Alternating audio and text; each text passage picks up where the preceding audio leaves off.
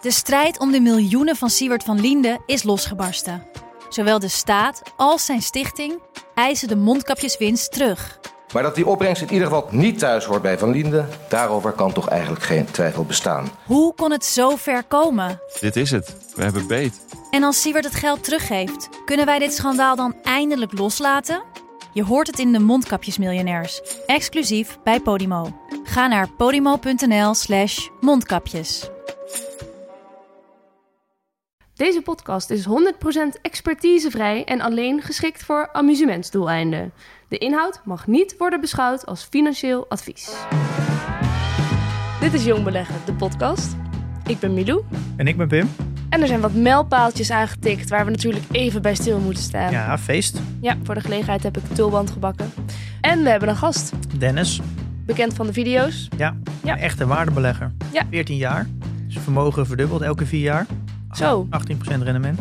nou daar hebben we vast een hoop van te leren. Ehm, dus we gaan het hebben over zijn successen en missers ook, neem ik aan. Ja, die heeft hij ook wel in eh, 14 jaar tijd gehad.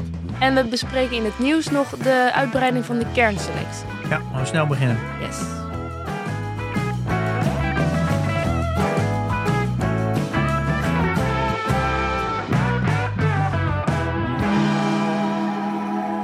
We hebben vandaag Dennis Emmelkamp te gast. Welkom. Dankjewel. Ik heb al heel veel over je gehoord van Pim. Want ja, jullie kennen elkaar al langer, maar wij hebben elkaar voor het eerst ontmoet. Ja. Straks eh, gaan we met jou praten. Eerst nog even stilstaan bij ons succes. Ja, een paar eh mijlpaaltjes deze We week. hebben een paar mijlpaaltjes. Ja, we doen even alles in één keer. Want, nou ja, je hebt het al gezien misschien in je podcast-app. Dit is de vijftigste aflevering. Woehoe! Ja, en 50, dat is, eh, dat is een hoop. En, 50ste, eh, ja. en dat in een jaar tijd. Dennis, heb je ze alle vijftig geluisterd? Allemaal. Ja, ja. Goed, Oh, netjes. kijk. Ja. Eén begonnen en eh gebinged. netjes. Ehm, nou, en er waren nog meer mijlpalen, Pim. Ja, want we zijn 28 april 2020 begonnen. Dat is een jaar geleden. Dus we zijn nu 50 afleveringen verder. Ja, Wel eh, pittig. dat, maar dat is toevallig. Dus dat precies een jaar geleden. En dit is de vijftigste aflevering. Ja, wel, volgens mij was het plan nummer 6 te maken. Maar we zijn een beetje, het is een beetje uit de hand gelopen. Beetje uit de hand, inderdaad. We konden niet meer stoppen. Wie redt ons? Help. Eh, we hebben duizend reviews in de Apple Podcast app. Duizend reviews. Er zijn heel weinig podcasts eh, die, eh, in Nederland die dat hebben. Dat zoveel zo? reviews. Ja, helemaal voor zo'n korte periode. Oh, lekker. En 2 miljoen beluisteringen. 2 miljoen beluisteringen in totaal. ja. Ja, dat is een hoop. Ja. Echt heel veel. Ja, ik heb uh, tulband gebakken om het te vieren.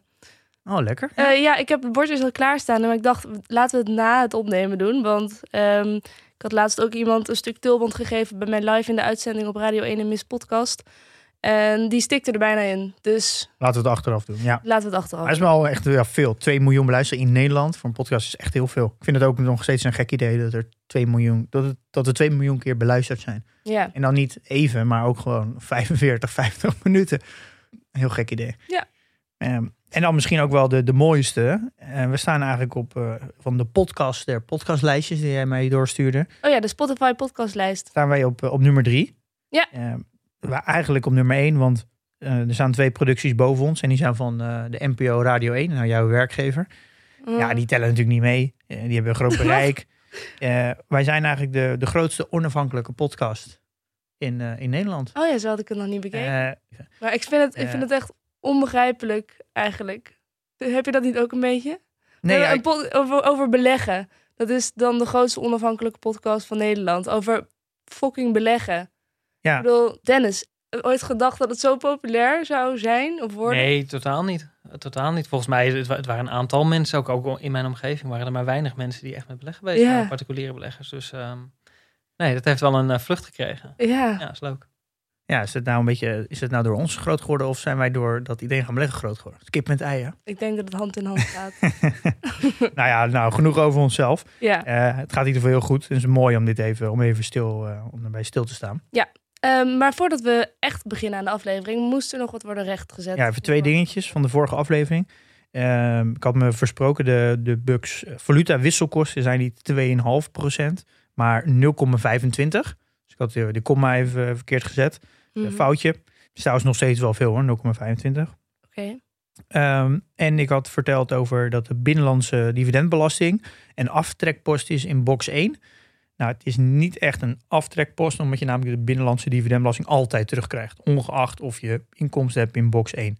Oké. Dus het is niet een aftrekpost, maar het is iets wat je altijd terugkrijgt. Zouden er nu mensen zijn geweest die het afgelopen week verkeerd hebben gedaan? Eh, nee, ik denk niet dat iemand dit eh, überhaupt heeft gemerkt, maar moet ik toch even rechtzetten, want nu is het correct. Oké, nou, helder, dat was het.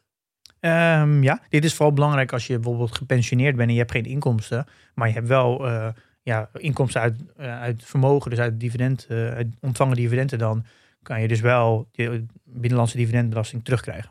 Dus, eh, ik Oké. denk dat het voor weinige luisteraars eh, aan de orde is, maar het is wel goed om te weten. Goed. Dennis, En nu, eh, ja, denk ik nu het belangrijkste stuk. nu het belangrijkste stuk. Dennis Emmelkamp, Yes. je bent eh, gepassioneerd belegger, al twaalf jaar lang. Klopt dat? Eh, ja, ik, ik, ik, ik moest het eventjes te- terugzoeken, maar het is 14 jaar, bijna 14 jaar. 14 jaar. Ja, ja, ja. Maar hoe oud, ben, hoe oud was je dan toen je begon? Ehm, eh, dan was ik ehm 21, 22 zo'n beetje. Ja. Het was, eh, ik was net gestart met werken. En toen eh, ben ik langzaam gestart. Ja. Pim geeft hoog van jou op, al tijden. Jullie hebben samen video's gemaakt, staan Ja. op de website. En hij eh, vindt jou een, een, goede waardebelegger. Heb ik het idee? Klopt dat, Pim? Ja. Ja, want nou, vertel, even, vertel jou. Ja, het is misschien wel goed om eh, hoe wij elkaar kennen. Ja. Volgens mij was het bij de aflevering, ik weet niet eens welke aflevering eigenlijk het was. Je hebt mij een mailtje gestuurd eh, en jouw introductie in de mail was dat je zei van ja, wij lopen allebei en eh, tegen eigenlijk het, we komen op hetzelfde uit, maar we, jij, loopt, jij komt aanlopen vanuit de andere kant. Ja. Eh, dus jij kwam, ja. dat je veel meer vanuit de cijfers eh, bent gaan beleggen. Ik denk ook vanuit jouw achtergrond als eh, eh, eh, controller. Ja. En dat ik veel meer kijk naar, naar het businessmodel, het bedrijf. Heeft het een competitief voordeel? En eigenlijk als laatste naar de cijfers kijk. En Ja. dat ik nu steeds meer aan het doen ben. En dat je eigenlijk uiteindelijk on- ontmoet je elkaar een beetje in het midden. En dat is een beetje jouw, was jouw introductie. Toen zeiden we, nou, zullen we eens, eh, kan je wel wat meer vertellen over hoe je nou naar de cijfers kijkt? Volgens mij dat was het mailtje. Ja, dat goed is in herinner. essentie een beetje. Ja. Ja, nou, dat vond ik een heel leuk mailtje. Dus ik heb eh, op gereageerd. Dat hebben we een keer afgesproken. En het klikte heel goed. En eh, nou, daaruit zijn eh, heel veel andere gesprekken gevolgd. En totdat we zeiden, van, nou, eigenlijk moeten we dit gesprek gewoon opnemen en delen met, eh, met alle vrienden in de community. En nu zitten we hier. Ja, En we gaan het deze aflevering hebben over nou, jouw verhaal van hoe jij bent begonnen als belegger. Wat je hebt geleerd als belegger, successen, missers. Ja, ik wil het eigenlijk allemaal wel horen. Waar zullen we beginnen? nou, ik denk dat het goed is om te beginnen. Waarom ben je begonnen met beleggen? Ja, goede vraag. Ik, ehm, ik weet nog dat ik in het laatste jaar van mijn studie be- begon ik er wel gewoon interesse in te hebben. Dus ik ging erover lezen, gewoon omdat ik het onderwerp interessant vond. Eh, en dat is eigenlijk bij me, toen, hè, toen ik begon met werken, is het eigenlijk gewoon, eh, ben, ben ik daarmee doorgegaan, veel gelezen. ehm, eh, maar dat is puur uit interesse. Ik vond het leerzaam, ik vond er gewoon wijze lessen in zitten. Ehm, het, zat er mij niet eens op, op het punt van, hey, hier kan ik geld mee verdienen of zo. Natuurlijk wel, dat, dat is onderdeel van het pakketje. Ja, en, en toen, en er was ook een hele interessante tijd toen, want in 2007 waar gingen de, stond het echt op een, op een hoogtepunt, tenminste voor die periode. En daarna kwam die hele kredietcrisis en de val van Lehman. En dus als belegger, ehm, als je nog niet in de markt zat, was razend interessant. Ehm, ja, en dat is vanuit die interesse. Je bent dus begonnen eigenlijk voor de kredietcrisis. Dus jij hebt de Ehm, kredietcrisis ook echt meegemaakt. Eh, ja, alleen ik ben pas, ik, heb, ik ging pas instappen en ik had en ook een beetje geluk, want ik had pas genoeg geld omdat ik dacht van nou, nou kan ik wel gaan instappen. Ja, toen de, bo- de boel echt eh, naar beneden kelderde, zeg maar. Dus ik Oh, heb, eh, toen de boel aan het kelderen was, toen ehm, heb ik het aangedurfd met mijn ogen dicht om eh, wat te kopen hier en daar. Ja. Ja. want vertel even, hoe voelde je daar dan bij? Want hoe, wat deed dat met jou? Met je ogen dicht, zeg je? nou, het- eng. Ja, absoluut. Ja, kijk, je hebt natuurlijk eh, de wereld stond toen wel een beetje in brand. In ieder geval de financiële wereld en de beleggingswereld. En dat, dat was wel eh, spannend. En ik, ik wist wel, omdat ik al heel veel over had gelezen, dat eh, ja, wanneer moet je kopen? Gewoon als de boel instort. Dat, was, dat is gewoon verstandig. En dat is volgens mij wel, daar kom je al vrij gauw op als je een beetje verdiept in beleggen. Het is gewoon als de boel eh, in elkaar eh, stort, dan, eh, dan moet je instappen. Dus ik Ja. heb dat wel gewoon eh, gedaan. Ook met het idee van dat gaat wel weer goed komen. En eh, ook wel met gewoon de basisdingen die ik wel een beetje door had. Of ik koop goede bedrijven waar gewoon winst gemaakt wordt. Geen gekke dingen doen. Dus ehm, zo ben ik er een beetje ehm, eh, ja, ingerold. En hoe kon jij, eh, waarop baseerde jij je? Je hebt er veel over gelezen, zei je. Mhm. Er was natuurlijk nog geen Jong Beleggen, de podcast. Nee, er was veel minder. Eh, Maar wat er wel was, kijk, je hebt, je hebt natuurlijk de, eh, de echte goeroes die, die al, al, al 20, 30, 40 jaar eh bovengemiddeld renderen. Die, die waren er toen ook. En die zijn er nog steeds. En daar was heel veel over te vinden. Ook op internet kon je daar gewoon van alles van lezen. Eh, en in essentie is die hele boodschap nooit veranderd. Die is vandaag nog steeds eigenlijk hetzelfde als, als al die jaren geleden. Dus dat, eh, die informatie was er wel. Ehm, het is wat beter zoeken, maar, dat- het was er. Maar als ik het dan goed, zo, de conclusie heb, ben je eigenlijk gelijk begonnen als waardebelegger? Of ben jij ook eerst meer naar de hype-aandelen, de groeiaandelen gegaan? Nou, dat niet per se. Want Ik, die heb ik nooit echt gehad. Ik heb natuurlijk wel gewoon mijn, mijn fouten gemaakt. Omdat ik ook heel vaak heb gedacht van... hé, hey, hier heb ik een, een of ander slim inzicht. En eh, daar kan ik op korte termijn met een hefboom even heel veel geld verdienen. Ah, je hebt ook aan de sprinters Dus, eh, gezeten. ja, ja, zeker. ja. Je hebt aan de sprinters gezeten, alsof het een soort Ja. druk zijn. ja, nou, een beetje wel. En, Wat was ehm, je eerste aandeel? eh, Imtech. We hebben gelijk het... eh, ja, precies. is Wat failliet dan? gegaan. Het mooi, ja. Is failliet gegaan? Oh ja, natuurlijk. Ja, dus dat is gelijk een mooie. Ik, ik heb in het begin heel veel ehm, eh, ja, lessen, harde lessen geleerd, zeg maar. En, en daar heb ik ook Maar had je dit kunnen weten dan met Imtech? Ehm, Wat is de les die je nou, daar in, in het begin niet, want toen ik het kocht was er niet zoveel aan de hand. Ehm, nee, en had je het denk ik ook niet kunnen weten. Ook niet als ik terugkijk dat er daar eh, meer ellende in die boeken zat dan, ehm, dan verwacht. Dat werd ook helemaal niet over gesproken, dat leek er niet op. Eh, in de loop der jaren wel. Op een gegeven moment was er eigenlijk zoveel rook dat ik achteraf gezien had moeten weten of kunnen weten. eh, dit- is gewoon niet helemaal in de haak. Dit, moet- dit, moet, eh, dit moet weg. En uiteindelijk heb ik het, heb, ik- heb het wel verkocht, maar gewoon veel te laat. Als ik daarop terugkijk, dat had ik echt eerder, eh, eerder moeten, moeten zien. Maar je bent toch een beetje hoop en, en eh, je verbondenheid met zo'n aandeel. Of van hoop dat het toch wel weer goed komt, dat het wel meevalt. Dus puur emotie heeft je eigenlijk hier dwars gezeten, dat je te lang hebt vastgehouden. Ja. Hoop en eh, verbondenheid met Ja. aandeel. Kan je, kan je je nog eh, herinneren welke uitdaging jij toen had toen je begon met beleggen? Iets waar, waar waarschijnlijk heel veel mensen die nu luisteren ook, ook mee struggelen. Ja, ja, eigenlijk. Kijk, er zijn best wel wat voorbeelden. Een beetje de klassieke fouten of, of uitdagingen waar iedereen tegenaan loopt. eh, die, die heb ik denk ik ook gehad. Het is zit van op enig moment een aandeel kopen. omdat je overtuigd bent van het lange termijn eh, eh, groeiperspectief. En, en, en van hoe die business in elkaar zit. En als je dan maar om je heen blijft horen en blijft lezen. eh, dat er een negatief sentiment hangt. En met hele goede argumenten vaak ook. Hè. Ehm, Microsoft was zo'n voorbeeld. Dat heb ik ooit gekocht. Ja. Ehm, ik geloof voor 25 euro of zo. Oh. Ehm, ja, dat was toen. eh, ik vond het een hele goede deal toen. En ik, ik zag ook echt het toekomstperspectief daarin. eh, en niet zozeer in ehm, de telefoons en in Windows, dat wat op een laptop draait. Maar wel in dat hele ecosysteem wat ze hebben en wat ze daar nog op kunnen ontwikkelen. Ik was er heel erg van overtuigd. Maar in het nieuws, toen kwam Apple, was ook al aan het opkomen. En iPhones. Dus het was allemaal Windows, was allemaal oude rommel. Eh, PC's en laptops gingen de deur uit. Het werden allemaal iPads. Dat was het hele sentiment ging die kant op. Dus ik, ja, toen ik dat, ik denk twee jaar lang of anderhalf jaar lang allemaal had gehoord en, en, en meekreeg, dacht ik op een gegeven moment van ja, maar als iedereen het zegt, ik heb nu een beetje rendement. ehm, ik, ik, denk, zij zullen het vast beter weten. Als de hele wereld dat denkt en ik denk iets anders, dan zal er wel iets met mij mis zijn. Dus eh, dat heb ik ja verkocht. Ik denk, ik weet niet op hoeveel, ik denk drie tientjes, 35 euro misschien.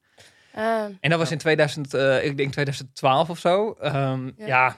nou ja, kijk naar de koers vanaf dat moment. Ergens was mijn analyse of, of dat perspectief wat ik had met het aandeel. Was- staat was- volgens mij nu 2,50. ja, dat was echt, echt enorm. Ja. Dus dat is een ehm, ja, gemiste kant. Maar ook een les om dus, als je ergens in gelooft... en, en dat echt gewoon kan beargumenteren... en ook de, de wereld om je heen die daar wat negatief in is... ehm, ja, hou gewoon vast aan dat idee wat je hebt. En dat Ja. heb ik later weer toegepast. Dus dat is wel zo'n struggle. maar eh. dat- ja, maar dat is ook zo moeilijk, want het is zo'n dunne lijn over eh, zelf iets weten en eh, inderdaad tegen sentiment ingaan. Want met Ja. Imtech was er wel rook, was er waarschijnlijk ook Ja. resentiment. En daar moest je wel meegaan eerder. Dus dit is gewoon, ja, ja, wat klopt. leer je daar nou daadwerkelijk uit? Ja, je uit? Kijk, Want achteraf is het altijd makkelijker praten. Nee, absoluut. Achteraf is, ja, maar dat is het ook. Hè. Maar, en, maar dat is ook wel de kunst. Hè. Want op zich, ik denk dat ik nog steeds... Ik, maak, ik ben nu ook nog waarschijnlijk in mijn hele portefeuille zitten fouten. Dat kan niet anders. Eh, maar volgens mij is de kunst ook dat als je dit maar lang genoeg doet... en als je, zoals ik, 14 jaar hiermee bezig bent... dan als je je elke, elke keer in staat stelt om toch te leren van je fouten... niet te denken dat het een andere ligt, niet te denken dat het pech is... Ehm, ook als het goed gaat. Som, heel veel van de aandelen die gaan, zijn veel beter gegaan dan ik ooit had, had voorspeld. Maar ook dat heb je waarschijnlijk wat fouten gedaan in je aannames. En dan is het ook goed om er even terug te kijken. Van wat, heb, wat doe ik daar nou verkeerd? Wat leer ik Ja. nou van? En als je dat loopje altijd aan hebt en kritisch naar jezelf bent, dan... ehm, Maar dat is een heel interessant Oké, wat je ja. zegt. Zelfs al wordt het, doet het aandeel het beter dan ik voorspeld heb, mhm. heb ik het dus eigenlijk fout gedaan. Ja, Eh, en heel veel mensen zullen dan zeggen, ik, ja, ik heb het geniaal gezien. Eh, maar jij zegt van eigenlijk nee, het doet het veel beter dan ik had voorspeld. Dus ik heb het fout gedaan. Waar heb ik het dan fout gedaan? Maak even concreet. Ja. Een succesverhaal wat je verkeerd had gezien en wat nog... Ehm, nou, kijk, dit is er eentje die ik uiteindelijk eh, eh, goed heb gezien ergens aan het eind van de rit PostNL. Ehm, waarbij ik ook tussendoor, want ik heb denk ik PostNL in 2017 voor het eerst gekocht. Ehm, met het idee, er was allemaal alleen maar negatief sentiment rond het aandeel, maar die, die pakkettenmarkt, ja, ik zat was al in de situatie dat ik bijna alles met pakketten liet komen en mensen om me heen ook steeds meer. Ik dacht, ja, Ja. dit is zo, dit, dit- en die volumes waren nog relatief laag. En het negatieve sentiment zat erin dat mensen stoppen gewoon met post naar elkaar sturen, met kaartjes. Precies, en dat is ook zo. Dus daar kan, ben je is, niet op, eh, ja. kan je niet optimistisch over zijn. Dus dat was ook een dalende trend. Dat, Ja. dat was wel duidelijk. Maar op een gegeven moment krijg je natuurlijk bij zo'n bedrijf een omslagpunt. eh, Dat het veel meer een pakketdienstbedrijf is dan dat het Echt een, een turnaround eh, eigenlijk. ja, die gaat ergens komen. En ik zou niet weten wanneer, maar ergens die zat er wel aan te komen. Ehm, dus in 2017 heb ik het gekocht. In 2018 heb ik bijgekocht. 2019 heb ik bijgekocht. Ehm, Maar dan moet je echt zitvlees hebben. Want Ja, de hele wereld, ik deed er zelf ook aan mee. Dat, ja, PostNL, dat is een flutbedrijf. Ja. En nou, je hebt, de koers laat ook zien dat iedereen het ermee eens is. Ja. Maar jij bent dan toch gewoon elke keer weer je analyse terugpakken. Nee, ik zie het goed. Ik zie dat het een pakketbedrijf gaat worden in plaats van een postbedrijf. Het gaat er een keer uitkomen. Ja, en dan, dan zie je het distributienetwerk wat ze hebben, de hele infrastructuur die ze hebben, de markt, het marktaandeel wat ze al hadden en nog steeds hebben. eh, dat is allemaal plussen. En die, die bleven voor mij altijd stand houden. Ik bedoel, daar, was, daar, daar kon ik gewoon met geen enkel argument daar iets tegen inbrengen. Dat bleef stand houden. En kijk, en achter, als ik terugkijk, kijk, ik heb natuurlijk wel, ik heb het volgens mij in 2017, 2018, heb ik het een keertje voor bijgekocht voor 3,50 geloof ik. Als ik dan nu terugkijk en even weer kritisch kijk van hoe was mijn waardering toen, ja, toen heb ik ook, denk ik, de, de moeite die ze nog hadden om die postmarkt nog enigszins eh, eh, winstgevend te houden, die pakkettenmarkt te laten groeien. Ehm, ik heb wel een beetje onderschat hoeveel moeite dat nog heeft gekost. Dus als ik terugkijk, denk ik, ja, toen was misschien 3,50 wel iets te optimistisch. Maar ja, toen hij in 2019 op 1,50 stond, ja, toen dacht ik, nou ga ik inslaan. Dus- Zo dus- laag, ja. ja. En toen, dacht ik, en, toen zat, dacht ik al, we zitten zo dichtbij. ehm, bij echt die, die turnaround. eh, en 1,50, dat sloeg er nergens meer op. Dat was echt... ehm, ehm, maar ja, uiteindelijk, en, en dat is ook weer de mazzel die je dan hebt. Kijk, corona heeft volgens mij de wereld wel even drie tot vijf jaar eh, naar voren gehaald. Ja, ja. Met de, met de pakketdiensten en zo. Dat is natuurlijk... ehm, ja, Ja, en want, nu, want eh, wat is er met het aandeel gebeurd eh, ondertussen? eh, ja, ondertussen, ik, ik weet, ja, helemaal afgelopen dagen kwamen ze weer met cijfers en weer de outlook omhoog. Dat, dat het is nu, kan het allemaal niet op. Ja, het staat nu op 420, 430, zoiets. Ja. Ehm, inmiddels op een niveau dat ik denk, ja, dit, dit, dit is wel een beetje prijzig. Ja, Ehm, maar dan heb je gewoon. Dit, maar dit, dit is volgens mij wel de kern van, eh, van beleggen, denk ik. En ook misschien Mhm. wel van het waardebeleggen. Is dat je, je denkt eigenlijk wel contrair. Jij ziet iets Ja. wat eigenlijk een beetje verborgen zit nog. Is in, in het eerste opzicht zie je dat PostNL is een postbedrijf. Dat is wat, hoe iedereen PostNL kent. Dat is ook het sentiment om. eh, Ja. En daar maken ze ook de meeste omzet nog om. En elke keer presenteren ze. Het is ge- het, de, de post is ge- gekrompen. We moeten weer bezuinigen. Dus het is eigenlijk elke kwartaal is het negativiteit. Alle, eh, alle berichtgeving over PostNL is weer... we moeten mensen ontslaan, krimpen, postbezorgers gaan staken. Het is, Ja. Alles is negatief. En jij vindt dan eigenlijk in die oppervlak... of eigenlijk onder de oppervlakte... vind jij dan eh, een, een, eigenlijk een, een pareltje... Dat, dat Mhm. langzaam naar boven komt... wat nog niemand ziet, waar niemand aandacht voor heeft.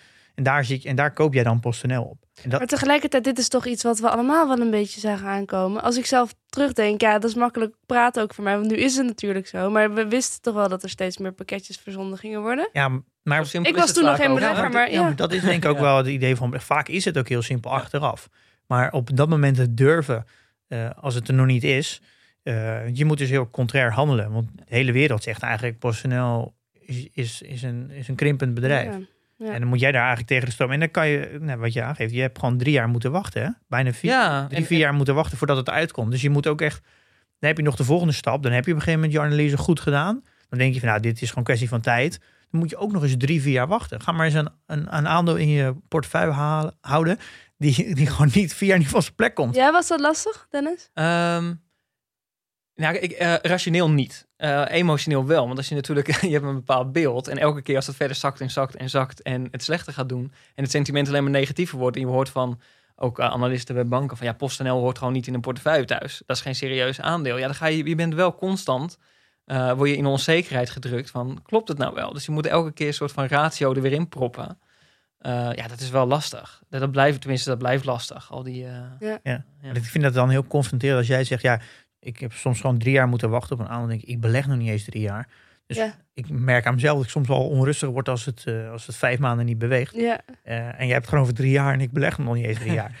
I- iedereen, die- ook degene, vooral degene die net belegt, die zegt altijd... ja, ik koop dit aandeel voor drie, vier jaar. Dat, dat zie je in de community heel vaak. Ja, ik ga dit aandeel lang vasthouden. Ja. Maar het, dat is iets wat je wel zegt, maar eigenlijk helemaal niet voelt. Ja, het is zo moeilijk om dat eigenlijk echt te voelen en te doen. En te- doen inderdaad. Heb je nog meer bedrijven in je portfolio die, eh, waarvan het nu moeilijk is ze emotioneel gezien aan te houden, maar rationeel wel lukt? Ehm, even kijken.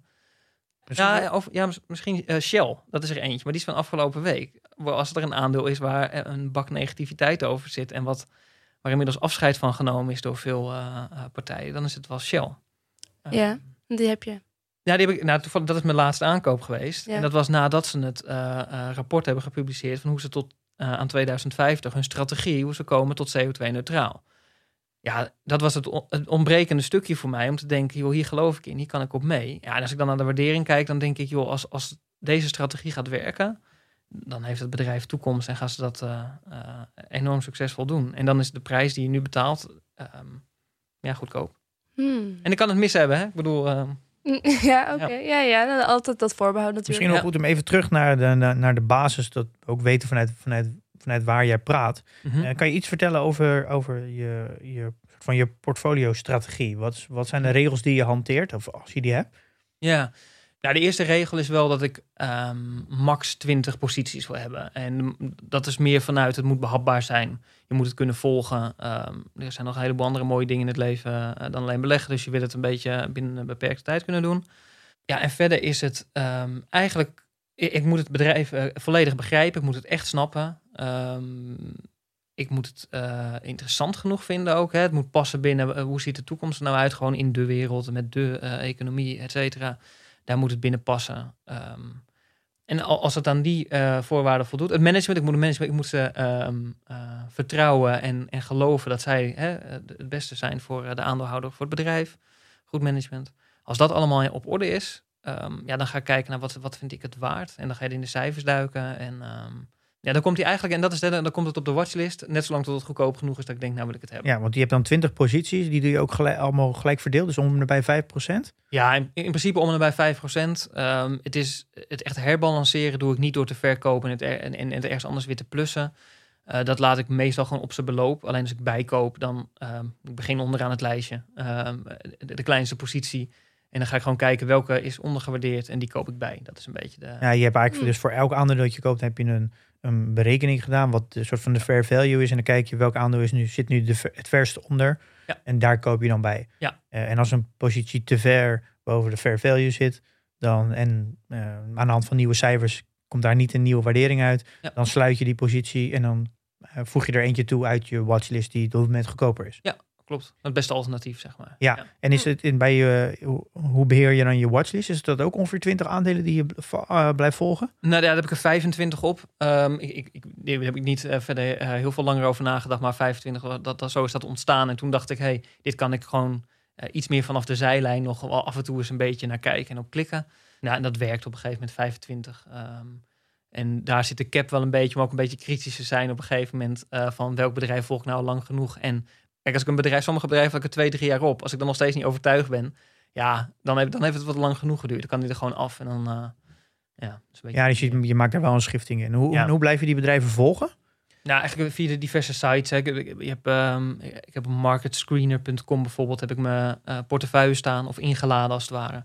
Ja, dan zie je gewoon de nieuwsberichten komen daar eh, op van je portefeuille. En de agenda staat er. En, ehm, dus dat is 's ochtends eh, meestal voor de beurs. Dan heb ik hem even opengeklikt om even te kijken of er wat nieuws is. En eh, ergens in de loop van de dag kijk ik nog een keer. Dat doe ik eigenlijk elke dag wel. En dan ehm, ja, volg ik het een beetje. Doe je gewoon een beetje headlines scannen.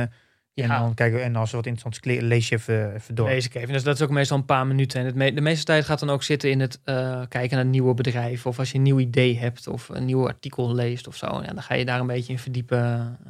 Ja, en je volgt zeker ook de kwartaalcijfers natuurlijk. Als die, eh. ja, uiteraard. En kan je ook iets delen over, eh, ik weet niet of je daarvoor open staat om eh, hoe je de afgelopen 14 jaar je is gegaan qua rendement.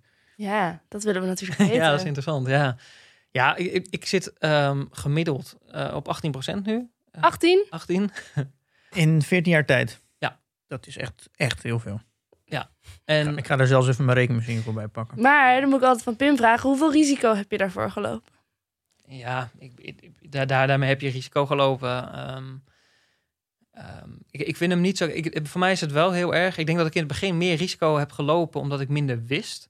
Ehm, dus achteraf gezien denk ik, ja, van nou, daar heb ik allemaal keuzes gemaakt die, Ja. die misschien nu niet meer. Dus het risico zit hem vooral in eh, onwetendheid. Ja, En- nog moeten leren. Ik, ik heb nu helemaal niet meer het gevoel dat ik eh, heel veel risico. Ja, in, in Nee. het hele pakketje, zeg maar, en op lange termijn. Het hele pakketje en lange termijn.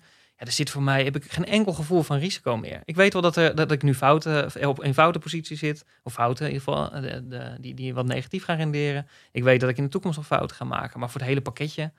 Maar ja, je bent natuurlijk wel ook op een ideaal moment begonnen. Dat klopt. Ik wou zeggen, kijk, het is natuurlijk, je moet ook Ja. een beetje, ik, ik heb een beetje mazzel gehad natuurlijk, omdat ik in, in die kredietcrisis toen alles instortte, toen ben ik gestart. Dat helpt heel erg. Ehm, en ik heb op, op vier, vijf momenten in die jaren, eh, toen het ook eh, fors naar beneden ging, eh, ook de coronaperiode bijvoorbeeld, als de boel instort, heb ik ehm, mezelf ertoe gedwongen om echt meer geld eh, erin te stoppen Ja. op het moment dat je ehm, nou, niet meegaat in, oh jee, nou moet ik wat verkopen, want, eh, want er zit allemaal ernstig aan te komen, maar dan de stap durft te zeggen van, nee, ik, ik, ik ga extra geld wat ik nog heb op de spaarrekening, wat ik kan missen, stop ik er toch in. Ehm, waarmee je vervolgens nog een keer 10% eraf gaat, soms nog een keertje 20% eraf gaat, maar toch, dat- en blijven door. Maar dat is dus een interessante. Jij zegt dus eigenlijk, je hebt in die 14 jaar tijd dus best wel wat crises meegemaakt. Dus best wel vaak is het even min 20, 30 gegaan. Ja. Je zegt eigenlijk, dat zijn de momenten waar ik eigenlijk mijn rendementen heb gepakt. ja, een Ja. groot deel wel. Dus je, ja. jij als ik het dan zo zie, je bent, eh, je, bent eigenlijk aan, je, je bent eigenlijk aan het leren. Je hebt een soort van skillset ontwikkeld. Mhm. En je kan eigenlijk eh, eh, in de goede tijden, als, als alles eh, omhoog gaat, dan is het heel moeilijk om je, om je denk te onderscheiden. Ja. De verschillen worden gemaakt in de tijden wanneer het heel bewegelijk wordt. Ja. Je bent skilled genoeg nu om, daar, om daarmee om te gaan. En je weet Hm. precies wat je dan moet doen. En dat zijn eigenlijk precies de momenten waar, waar je je rendementen maakt. En dat, Ja. dat gevoel heb ik ook wel steeds meer. Dat als je aan het beleggen bent, moet je dus niet proberen elk jaar de markt te willen verslaan. Om de, eh, Nee. beter maar met niet te veel risico de markt blijven volgen. En dan, maar het- je gaat een verschil maken in de tijd dat het heel bewegelijk gaat worden. En eh, dat haal ik ook wel een beetje uit jouw verhaal. Ja, en het, het is dat. En het, ik, ik time niet, zeg maar. Ik ben niet aan het, aan het mikken en, en aan het verkopen als het een beetje omhoog gaat. En, en, en, en dan aan het kopen als het omlaag gaat. Dat doe ik helemaal niet. Het is alleen inderdaad als het echt, echt 20% plus naar beneden gaat, dan, dan kom ik wel in actie.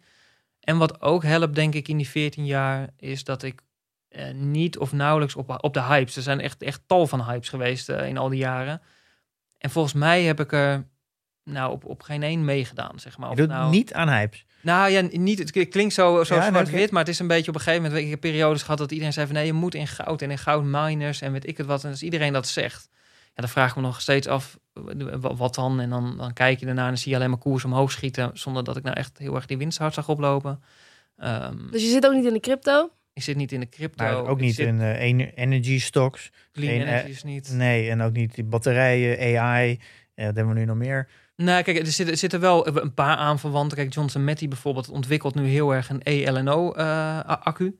Ehm, die gaan ze volgens mij vanaf volgend jaar produceren. Eh, Dat is accu, een fijne accu. Eh, ja, weinig kobalt, dat is goed voor de wereld. Want dat wordt vaak, hè, dan moeten mensen vaak eh, worden uitgebuit in Afrika. Ja. Eh, dat is allemaal eh, eh, volgens mij ook niet, helemaal niet goed voor het milieu. Maar dat is dan niet een bedrijf dat alleen maar accu's doet. Dat doet al heel veel anders en die doet heel veel erbij. andere dingen erbij. Ja, Ja. geen puur. Maar daar, je eh, koopt het niet voor die accu. Dat is de Nee. fantasie. eh, klopt. De- Ja. ja. Nou, nu gaan jullie even een paar stapjes te snel. Ik snap het niet. Nou, is de accu opeens een fantasie? Nee, dat is, het is een bedrijf wat gewoon goede, denk ik, goede cijfers maakt. Gewoon een Ja. heel stabiele business is. En je, vaak, de- waar, waar ik ook van jou merk, dat je dan zoekt naar, er moet wat fantasie extra in zitten. Ja. Eh, is dat, eh, ze hebben aangekondigd dan om, eh, om accu's te gaan maken, of dat zijn ze al aan het doen. Ja. En dat kan natuurlijk in één keer een heel mooi pareltje zijn. Maar dat is, dat is niet waar je om dit bedrijf koopt, dat is extra. Als er, als er een goede waardering is op hoe het bedrijf nu is, dan koop je het. Met, er zit een hele grote upside in, want als die accu slaagt, dan kan het bedrijf nog wel eens heel hard gaan. Maar je wil dat eigenlijk niet echt meenemen in je, in je echte waardering. Dat moet je als extra zien. En als je het nou hebt over de clean energy hype, is dat dan... Ja, ik, ik wil zelf een beetje verduurzamen op een bepaalde manier. Ik voel me daar gewoon... Zou ik me goed bij voelen als dat lukt. Maar dat clean energy, dat is dus zogenaamd dan... Nou, niet zogenaamd, dat is misschien dan goed voor het milieu, maar het is een hype. Dus ga je daar sowieso geld op verliezen? Of wat betekent dit dan? Nee, kijk, en ik denk overigens dat hele clean energy is geen hype aan zich, zeg maar. Hè. Het is een heel belangrijk onderwerp en dat gaat, gaat heel, heel groot worden, ook in de toekomst. Dus dat, dat klopt wel. Ja, Alleen wat je ziet is de massale toestroom, door, doordat iedereen dat ziet ge- gebeuren, de massa- massale toestroom in dat soort bedrijven eh, als beleggers. Het, wat het probleem voor mij dan is, dat ik die waarderingen zie ik oplopen. Ja, en dan, dan, dan of dan laat ik zo zeggen, dan kan ik niet helemaal meer eh, beargumenteren dat dat eh, het waard is. Eh, ik geloof dat die winsten gaan stijgen, ik weet dat het de toekomst is. Maar wat dan precies en, en welke en wanneer en, en hoeveel geld dan? Ja, dat, dat vind ik een hele lastig. Nou, en is dat het dan niet waard? het, het ligt eraan, het ligt eraan wat, je, wat je inschatting is, hoe groot die bedrijven gaan worden. En wanneer ze groot gaan worden en wanneer die winsten echt gaan oplopen. Dat is de vraag. Ik kan dat niet goed genoeg voorspellen, denk ik. Ehm, eh, of als ik er naar kijk, denk ik, nou, er moet wel heel veel gebeuren.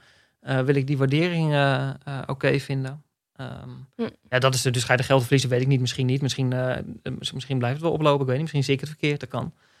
Ehm, dus ik vind het een heel belangrijk onderwerp. Ik vind dat, dat hele uh, duurzaamheidsgedachte helemaal geen hype. Ik doe er gewoon zelf soort van persoonlijk ook heel erg aan mee. Maar niet per se in mijn beleggingen. Hmm.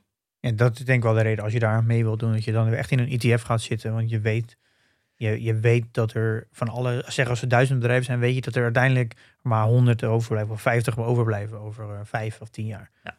Eh, dat is altijd natuurlijk als. er- Dus een ETF is wel redelijk. nou, ik denk als je echt in trends gaat zitten, moet je.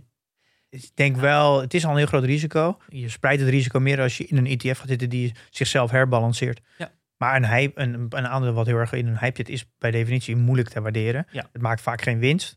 Eh, je betaalt heel verkeerde omzet. Eh, dus dat past eigenlijk gewoon al gelijk al niet in waardebeleg. Want zolang je, er, zolang je er geen waardering op kan plakken, koop jij het volgens mij niet. Nee, nee als, ik, als ik niet kan inschatten of nauwelijks kan inschatten ehm, ehm, hoe, hoe dat gaat lopen en ik het bijna niet kan waarderen, koop ik het niet. Ja, want, Per definitie niet. Ik moet er een waarde aan kunnen. ja, want volgens mij heb je in je portefeuille bijna geen bedrijven die geen winst maken. Misschien eh, maar een paar procent, denk ik. Nee, er zitten sommige hangen er misschien een beetje op Pinterest Ja. bijvoorbeeld. Hè, die heb ik, dat is dan zou je nog kunnen zeggen dat is een beetje een. eh, Je zit er een beetje eh, in de buurt. eh, Ja, hip aandeel, maar dat zit een beetje om het omslagpunt. Ja, maar dat, dat is het denk ik wel. Ja. En misschien Just Eat heb je volgens mij ook. Uh, Just Eat, Die ja. zit ook een beetje op het zo'n. Die houdt het nog kunstmatig eh, Ja. in, een, in een verlies. Ja. ja. Ja, wat, kan je misschien nog wat meer delen over, over de, de grote missers die je hebt eh, gemaakt, waar wij allemaal wat van kunnen leren? Ja, nou, ik heb- vooral uit de begintijd, zeg maar, dat is wel een. ehm, het ging economisch natuurlijk niet zo goed in, in die tijd. En toen kwam eh Axo Nobel, die zou met cijfers komen de dag daarna. En toen keek ik naar die analistenconsensus. En dacht ik, dat is toch veel te optimistisch. Ehm, dus ik denk, nou, ik koop een eh, turbootje short. Of een sprintertje short was dat volgens mij. En ehm, met, een, met een mega hefboom. Ik dacht van, nou, dat kan niet anders. Dit gaat helemaal goed komen. En toen zag ik voor beurs het nieuws. Ehm, en het viel echt enorm tegen. Nog meer dan dat ik überhaupt had gedacht. Dus ik was dat echt klaar om negen uur. Ik dacht, dat wordt cashen. En toen, toen schoot die koers met 4% omhoog. En toen dacht ik, hé, hoe kan dat? Dus die hele die, sprinter was uitgestopt, allemaal geld kwijt. Ja, en, en dan bleek dat ergens had die, had die CEO had opmerking gemaakt van, ja, het ergste is achter de rug, dit is het. En, Oh. en we hebben deze verwachting nu. Eh, ja, dat was voor mij de leerschool dat eh, het resultaat nu echt niet relevant is. Hè. Het, gaat, het gaat gewoon om eh, hoe goed is dat bedrijf? Hoe ziet de toekomst er in zijn algemeenheid uit? En hoe gaan ze gewoon over vijf of tien jaar geld verdienen? Dat- Dat, is belangrijk. En niet ehm, eh, of het cijfertje van deze, dit kwartaal. nou Ja, dat is wel interessant wat je zegt, hè? Want dat ik toevallig eh, eh, net is, eh, gisteravond is Microsoft met cijfers gekomen, nou, Google ook en zo. Ja. En Microsoft, die cijfers waren echt fantastisch. Ja. Echt, nou, volgens mij 34% eh, groei. Dat is echt, voor zo'n groot bedrijf is dat echt in- insane veel. Ja. En maar er werd wel in de outlook een beetje gezegd, ja, de, de grote groei is misschien nu wel uit. Mhm. En het aandeel gaat zakt gelijk naar beurs. Dus het is, dat is wel iets wat je... In, in eerste instantie denk je, nou, dit is echt... Dit, dit is fantastisch. Maar er zitten dan... eh, de, beleggers reageren dan toch eigenlijk altijd op die outlook. Ja. En dat is wel iets wat, je, wat ik ook steeds meer realiseer. Je, je belegt voor de toekomst. En Ja. niet voor het resultaat dat al behaald is. Ja, en, en ook over, over dat naar de toekomst kijken. Want op een gegeven moment heb ik ook, ehm, ook ergens in de beginperiode, heb ik Aalbers Industries gekocht. Zat, zat enorm laag, op 5, 6 euro. Ehm, en dat maakte nog wel gewoon winst, maar er zat gewoon veel onzekerheid omheen. En dat begon op te lopen. Eh, die winsten begonnen ook weer eh, eh, terug te krabbelen. En toen kwam in het nieuws heel erg dat misschien de volgende crisis er wel aan zat te komen. En dat er ook heel veel met de schuldencrisis, die nog steeds wel een beetje aan de hand was. Ehm, de auto-industrie die wellicht zou gaan inzakken, daar leveren ze heel erg aan. En toen dacht ik door al dat nieuws en al dat negatieve economische sentiment, dacht ik van oeh, maar dat kan dan wel eens mijn portefeuille gaan raken. Dat kan wel eens deze bedrijf gaan raken. Dan ga ik het verkopen. Ehm, ja, de- en er is van die koers is na die tijd geen dubbeltje meer afgegaan volgens mij. eh in, in al die jaren. En dat was wel ook gewoon de wijze les dat in die 14 jaar is het constant ergens wel ellende. eh, of een risico in de toekomst. Of eh, er is, je hebt altijd het gevoel dat het ergens wel eens mis kan gaan. Of dat het slechter Ja. kan gaan. Of, ehm, en dat is ook prima, dat gebeurt ook. Weet je, er zijn allerlei zaken die ook, ook gebeuren. Alleen ik, ik, ik, ik, ik heb mezelf altijd vanaf dat moment voorgenomen niet naar handelen, zeg maar. Er komt een keer een recessie, eh, er komt een keertje een presidentskandidaat die niet helemaal eh, eh, handig is voor de wereld misschien. Ehm, het gebeurt, maar ik ga niet meer mijn portefeuille erop aan. Ja, maar als je de krant openslaat, dan word je daar wel elke dag in Ja. bevestigd. Want er is natuurlijk altijd wel iets, iets te bedenken wat, wat een probleem kan zijn in de toekomst. En daar schrijven kranten natuurlijk al te graag over. Ja, ik kijk even met een schuine oog naar de media die bij hem aan tafel zit. Ja, dat is Ja. waar. Daar houden wij ons mee bezig. Ja, en het is ook logisch en het is ook goed. En het is ook, er zit ook heel veel eh, interessant nieuws tussen. Het punt is alleen, je moet gewoon niet je beleggingsbeslissingen erop eh, Ja. baseren. Tenminste, dat doe ik niet, omdat je, ja, dan blijf je bezig en dan doe je ook van alles eh, in de prullenbak wat, eh, wat er niet thuis hoort. Oké. Pim, heb je nog een prangende vraag voor Dennis over... eh, ik heb nog wel, eh, nog wel een vraag. Sorry, je ziet eruit alsof je echt een mens bent.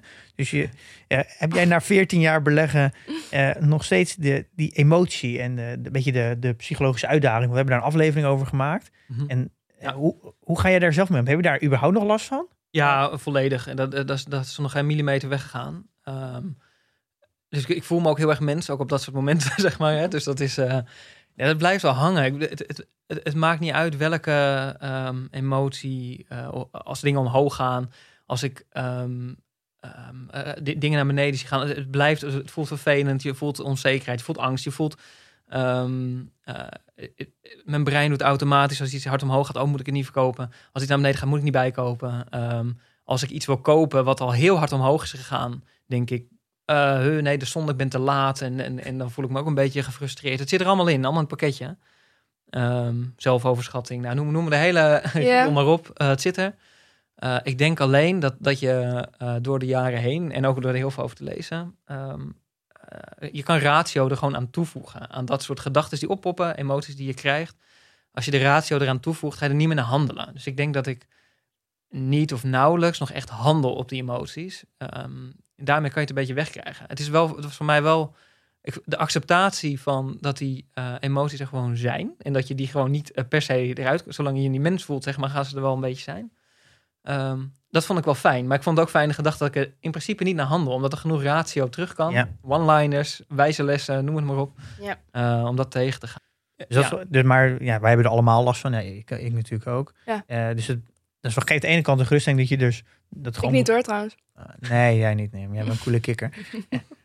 dat je dit eigenlijk moet, dus moet ontarmen. Uh, en gewoon, ja, dat is gewoon een gegeven. Dat is er gewoon. En je moet dat meer gaan controleren. Ja. En dat gaat makkelijker door ervaring. Kan je er ook uh, ratio aan toevoegen. Klopt. klopt. Um, heb je nog wat uh, nog toe te voegen? Nou, ik weet niet. We hebben een hoop besproken volgens mij. Ja, ik, uh, okay. ja.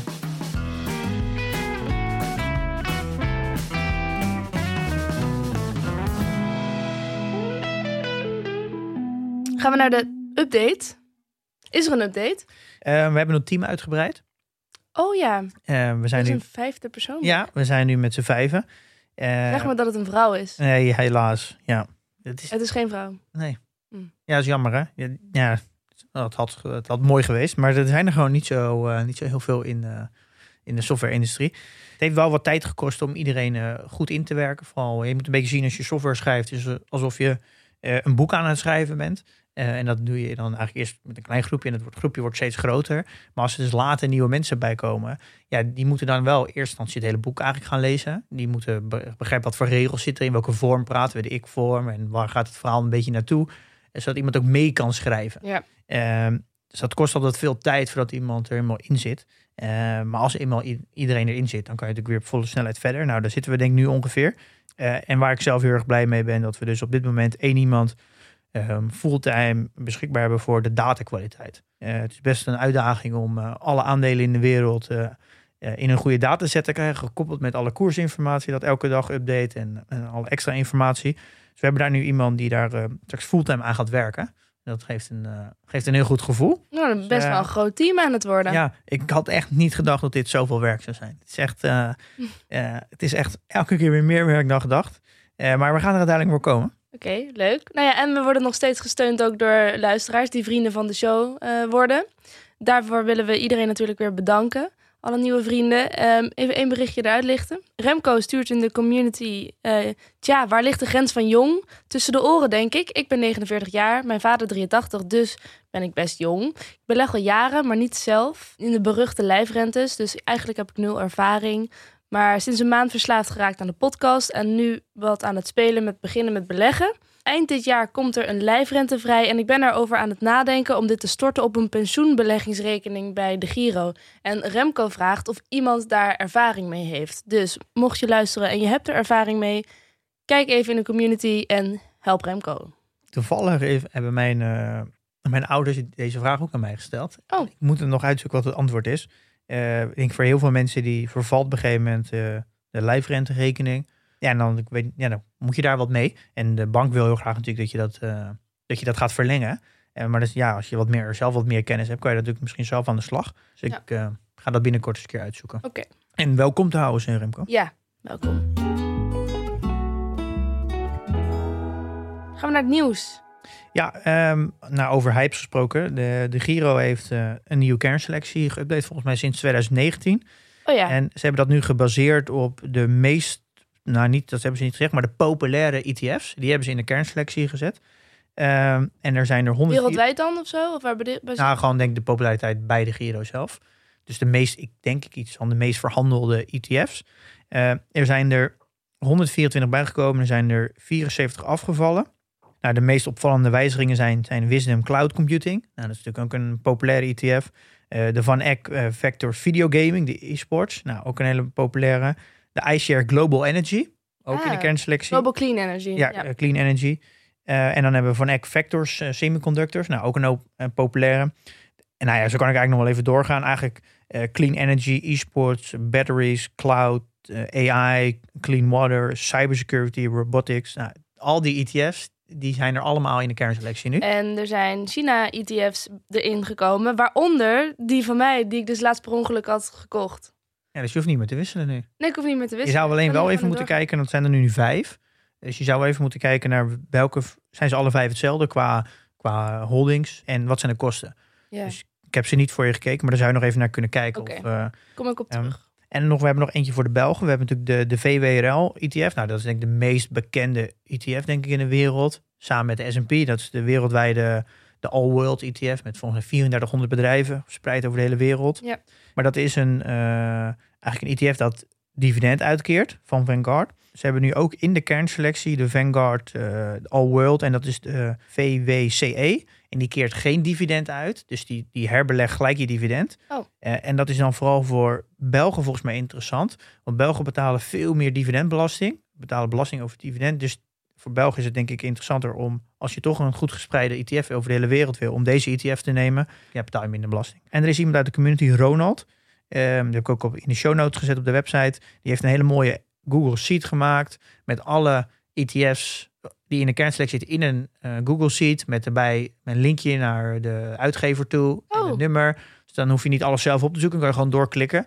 Eh, heel handig. Wat Eh, nobel, dat heeft Ronald. hij gedeeld. Heeft, ja, het heel veel tijd aan besteed, maar dat heeft hij gedeeld in de community. Ik krijg wel eens vragen over of er ergens een handig overzicht is van alle ETF's. En wat. Nou, die, die heeft Ronald uit de community nu gemaakt.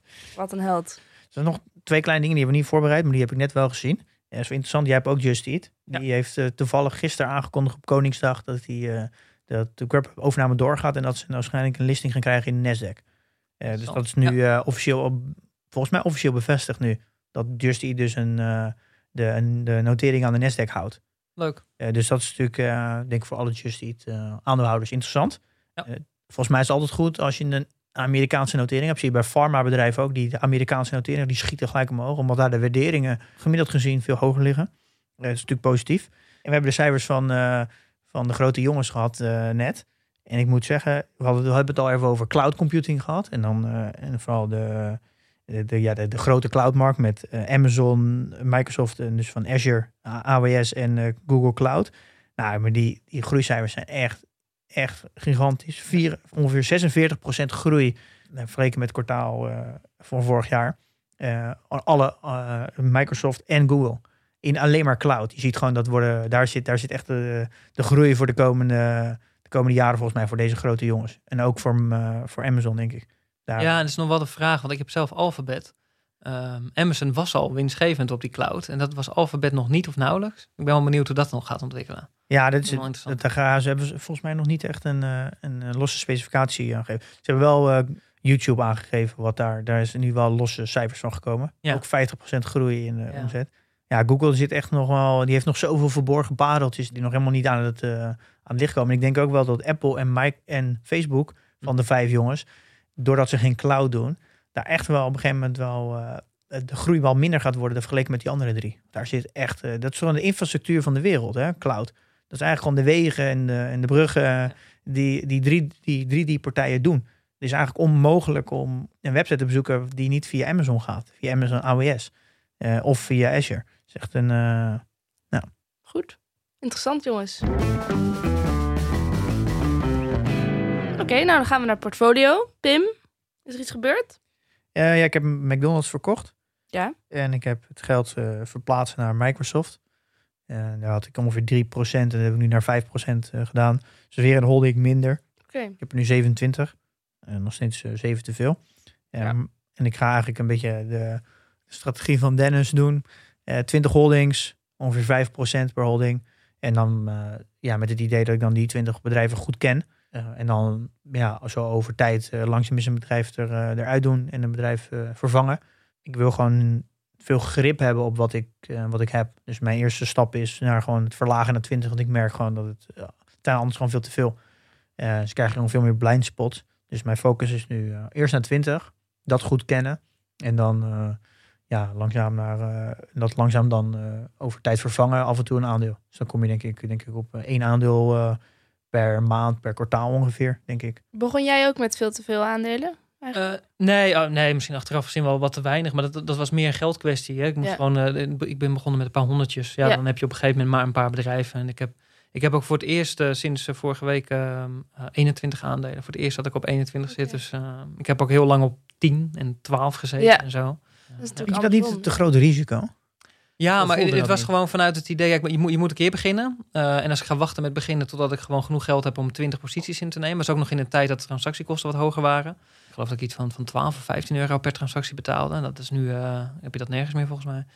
Ja, dus dan, dan hoort het erbij dat je een beetje risico extra hebt, omdat je weinig posities hebt. Ja. Ja. Ja. Maar dat is de Uit tijd dat, dat tijd dat ETF's nog niet zo echt heel erg populair waren. Nee, ik heb in de begintijd heb ik eigenlijk nooit ETF's overwogen. Maar ik, denk dat het komt omdat het er toen niet echt was of zo. Of misschien in Amerika wel, maar daar is het wat eerder Ja, begonnen. dat is de jaren Dus- 90 begonnen. Ja, precies. Dus ik, ik, ik ehm, fondsen heb ik nog wel eens naar gekeken, maar eh, ja. Ja, je had eigenlijk losse aandelen en fondsen. hè? ja, dat was het een beetje. In ieder geval wat ik me toen kan herinneren, maar misschien heb ik het niet goed genoeg gezocht. Dat zou ik 15 euro per a- transactie kost. Ja, ja. Eeuw, en dat was, dat Ja. was toen bij, eh, bij Bink, hè? dus dat was de prijsvechter. Ja, oh, dat, Ja, ja. Ah, holy ja. shit. ja. Oké. ja kom, Eh. als, je dat, als je dat 50 per- euro per maand wil beleggen en je betaalt 15 euro transactiekosten, dat is niet te doen. Pim, je bent je portfoliowaarde nog vergeten. Oh ja, 211.500. En ik sta op 5791. We zijn allebei weer gestegen. Rond jij het af? Zal ik dat ook gaan doen of niet? Jij hebt eh, volgens mij een ATH, ik ook. Ik heb, eh, nee, dat is niet. Ik heb, Nee? een ho- ik heb even hoger geweest. Ik Ja? heb bijna op 800 in de plus gestaan. Ik sta nu op 733 in de plus. Oh, Dus. dat vind ik nog wel. Dat is, hoe kijk jij daarnaar? Is dat eh, op dit moment ja, maakt eigenlijk bijna niet uit wat je gekocht had. Als je het maar aangehouden had, dan had het omhoog gaan. Want Ja. bijna elk aandeel staat all-time high. Dus dat is natuurlijk, geeft een heel fijn gevoel. Het is ook heel gevaarlijk, want je daardoor denk je dat je echt kan beleggen. Hij gaat dingen aan kunde eh, toerekenen, aan je eigen Mm. kunde. Ja, Ja. maar ik- eh, het is ook wel heel moeilijk om nu. Om, kijk, een jaar, vorig jaar was het vrij makkelijk, want alles kwam, kwam wel een heel laag punt. Maar dit jaar, nu staat alles echt heel hoog. Nu wordt het wel heel moeilijk om, om aandelen te vinden en eh, dat en, en, ja, goed, ja, met een, tegen een goede waardering. Ja, ik, ik, ik kom ze bijna niet tegen. Mijn hele watchlist staat, staat verder boven. Er zitten sommigen wel echt, echt 30, 40 procent boven. Überhaupt dat ik erover nadenk. Ik, kom- ik kom niet zo heel veel meer tegen, zeg Het is maar. best moeilijk nu. En ook mijn huidige holdings zijn er heel veel die, die eigenlijk al iets boven de fair value staan, wat mij betreft. Ehm, ik wacht dan altijd even op cijfers en ik, ik, ik ga niet, wat ik al zei, ik ga niet zitten timen. Ja, dan gaat het misschien maar een keertje straks naar beneden. Maar wanneer dat gebeurt, weten we niet. En wanneer de Nee. volgende crisis aan- aankomt, dat weten we ook niet. Dus eh, Ja. we zien het wel. Dus ik, ik merk dat ik zelf dan heel snel naar de, de grotere jongens ga.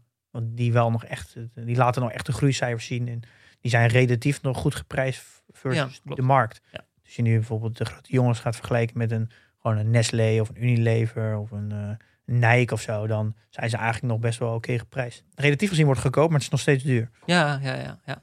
Ja, eens.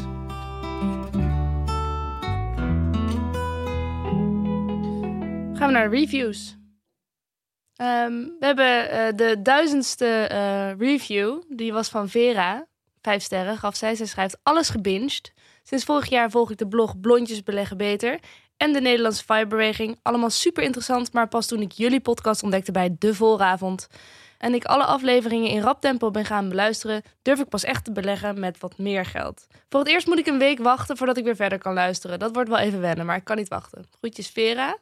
Leuk Vera, dankjewel voor je mooie woorden. Ja, leuk. Ja. Ja. En eh, ook nog één berichtje dan van Rob, want dat vond ik ook wel een leuk berichtje. Oh.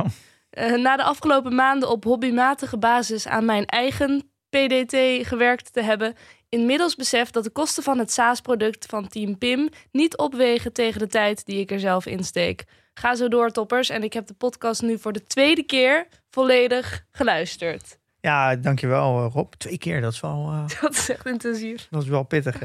Ja, Ja. Ja nee, ik herken dat. eh, ja, dat is natuurlijk het, het mooie aan een SaaS-product. Het, is, het maakt software toegankelijk voor de massa. Iets wat een een individu nooit zelf kan realiseren. En daar denk ik ook dat een heel groot gedeelte van onze welvaart eh, in, in de westerse landen komt echt door, dus door software. Doordat het een soort van SaaS is. Kijk, dat Google, wat Google allemaal aanbiedt, doordat je mail hebt en maps en zo. Dat kan alleen maar omdat het heel veel mensen er gebruik van maken. Maar dat is een extreme verrijking van je leven.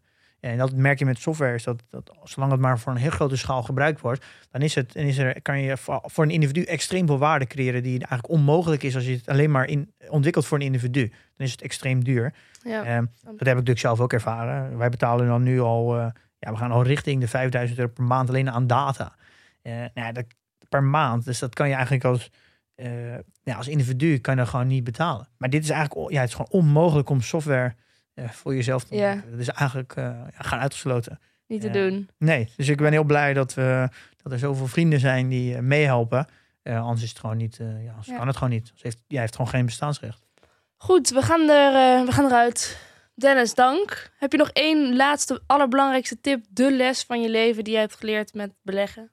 Die je kan meegeven aan onze luisteraar? Oh jeetje, ja. Ik, ik denk vooral, eh, neem de tijd. Ehm, blijf echt heel kritisch naar jezelf. Stop niet alles eh, wat goed gaat eh, eh, in je komt door mijn kunde pot. Ehm, Mhm. Ja, wees kritisch, evalueer en, ehm, en, en leer ervan in zijn algemeenheid gewoon. Hè. Dat is misschien nog ook wel het allerleukste. Dat maakt het voor mij beleggen leuk. Leer ervan. ehm, laat je inspireren. En eh, Ja. Zelfreflectie. Ja, Ja, dat is Ja. nog een. eh, dat- ik zie, jij zit me al boos aan te kijken, maar dat vind ik een laatste ding. Dat jij dat ook vertelt. Dat jij in je werk eh, ook met heel veel mensen spreekt. En dat je dus ook heel veel kennis opdoet door gewoon te leven. En Ja. met eigenlijk een beleggingsbril ook naar alles te kijken, ook op je, in je werk. Eh, Ja. Ja, alles wat je dagelijks tegenkomt. En, en als je een, ik heb een soort van natuurlijk interesse in heel veel onderwerpen. eh, dus de, de documentaires die je gaat kijken, dat wat je gewoon in je dagdagelijkse leven ziet, wat mensen je vertellen. Er zit, er zit zoveel ehm, ja, kennis. Dat was toch laatst een ander die jij gekocht hebt, omdat je nieuwe inzichten had via iemand die had gesproken via je werk? Was dat niet eh, over het cement? eh?